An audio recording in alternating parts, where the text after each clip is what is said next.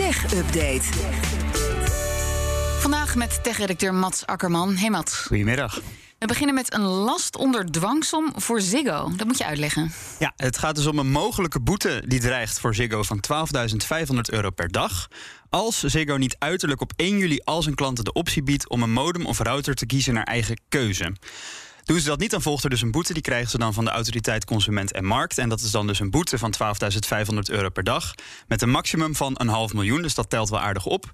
Die vrije modemkeuze die is namelijk sinds 28 januari van dit jaar wettelijk verplicht. Maar in sommige regio's waar vroeger het UPC-netwerk zat, daar heeft Ziggo nog steeds die optie niet. En dus mogelijk volgt er daarvoor een boete. Maar ik zit nu heel hard op na te denken: hoe ziet mijn eigen modem eruit? Ik, ik, ik weet het oprecht niet. Ja, iets nee, wit, ik heb iets ook wit. geen idee. Ik moest het ook even opzoeken. Maar van, wat, ja, heb je dan, aan, aan die vrije keuze? Ja, nou precies. De meeste mensen dus, jij en ik waarschijnlijk, Kees waarschijnlijk, hebben er in principe niks aan. Het is vooral interessant voor mensen met hele specifieke eisen. Dan kun je denken aan mensen die zelf eh, websites hosten bijvoorbeeld. Of mensen die op heel hoog niveau gamen en die daarvoor betrouwbare apparatuur willen hebben. Maar voor de meeste gebruikers volstaat het modem dat je meegeleverd Ja, krijgt. Dat krijg volstaat in een doos thuis. Ja. Ja, als je bijvoorbeeld vergelijkt met Duitsland, daar is die vrije keuze is al wat langer wettelijk geregeld. En 1 à 2 procent van de mensen maakt daar gebruik van. Dus nou, dat is wel een vrij klein groepje. ja, nou, 1 juli moet het overal kunnen, die vrije modemkeuze. Eh, het, lijkt, nou ja, het lijkt vrije schoolkeuze of zo. Heel groot. Maar goed, gaan ze dat halen? Belangrijker. Ja, Ja. de- ze verwachten zelf dat ze het gaan halen. Ze schrijven: het netwerk in voormalig UPC-gebied is technisch anders gebouwd. Daardoor is het iets meer werk lastiger om het in te voeren. Maar ze werken er hard aan en ze hopen 1 juli te gaan halen. Oké, nou nog meer over boetes. In Europa zijn sinds het invoeren van de AVG-wetgeving voor anderhalf miljard aan boetes uitgedeeld. Ja, een iets groter bedrag. Anderhalf miljard euro. En dat is dan sinds de invoering in mei 2018 van de Algemene Verordening Gegevensbescherming, zoals de AVG-wet volledig heet. Europese privacy-toezichthouders deelden bij elkaar anderhalf miljard euro aan boetes uit. En dat zegt advocatenkantoor CMS op basis van openbare cijfers. En wat viel er op bij die boetes? Nou, zullen we een paar leuke feitjes doen? Ja? Oké, nou het land waar de meeste boetes werden uitgedeeld, dat is Spanje. De Spaanse toezichthouder deelde in totaal 421 boetes uit. Streng daar? Ja, streng. De hoogste boete die kwam dan weer uit Luxemburg. Dat was een AVG-boete van 746 miljoen euro voor Amazon. Dat was juli vorig jaar. Ook veel meer dan de nummer 2 is dat, want dat was Ja, een boete. wa- wacht heel eventjes. 746 miljoen. Dan zijn we al bijna bij de anderhalf miljard. Er zijn helemaal niet zoveel boetes uitgedeeld. Ja, dit is dus een hoge boete. Ja, maar je hebt ook hele kleine, voor 500 euro. Ja, precies. Ja, dat hebben we natuurlijk ook. Ja.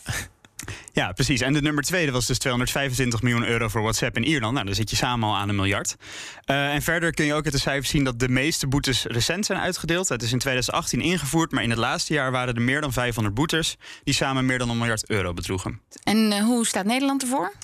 Ja, nou ja, als je nu Nederland gaat noemen, dat is dan een heel klein bedrag. Want volgens deze cijfers heeft de autoriteit persoonsgegevens sinds mei 2018 20 boetes uitgedeeld. Met een totaalbedrag van 14,6 miljoen euro. Ja, ik heb het niet, maar dat valt dus nog behoorlijk mee. En waar, waar worden de meeste boetes voor gegeven? Ja, de meest voorkomende reden is de verwerking van persoonsgegevens zonder dat daar een geldige rechtsgrond voor is. Dat is bij Ja. acht van de tien hoogste boetes het geval. En verder in de top drie staat het niet naleven van de beginselen van de wet. En dan gaat het bijvoorbeeld om transparantie. En op nummer drie staat gebrekkige informatiebeveiliging. En dan nog kort een rechtszaak in Duitsland tegen YouTube. Ja, het hoogste gerechtshof in Duitsland die oordeelt dat YouTube en ook vergelijkbare platformen mogelijk eh, moeten betalen voor copyrightschade voor content op hun platformen.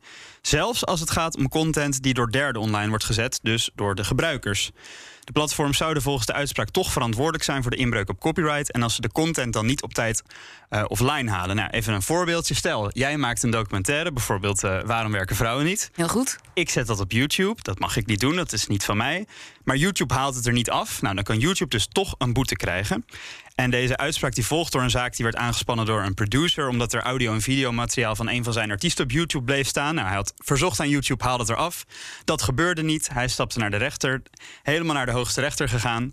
En eh, nou ja, daar is het nu dus besproken. Het is geen definitieve uitspraak, want nu moet het dus weer terug naar een lagere rechter... en dan gaan ze weer opnieuw naar deze zaak kijken. Maar toch wel opmerkelijk, want laatst hadden wij hier eh, dat onderwerp over Jort Kelder. Die werd in het ongelijk gesteld door de rechtbank, omdat er nep-advertenties met zijn eh, hoofd Ja, op YouTube en. Facebook. Jort Kelder gaat ook nog in hoger beroep. hè? Zeker. Ook het laatste dus misschien is de timing eh, heel goed van dit Ja, eh, dat. Jort dit kan meenemen. Dan komt hij aan. hey, luister eens. Hij Dankjewel. luistert vast naar BNR. Hij luistert altijd, toch? Dankjewel, Mats Akkerman. De BNR Tech Update wordt mede mogelijk gemaakt door Lenklen. Lenklen. Betrokken expertise, gedreven resultaat.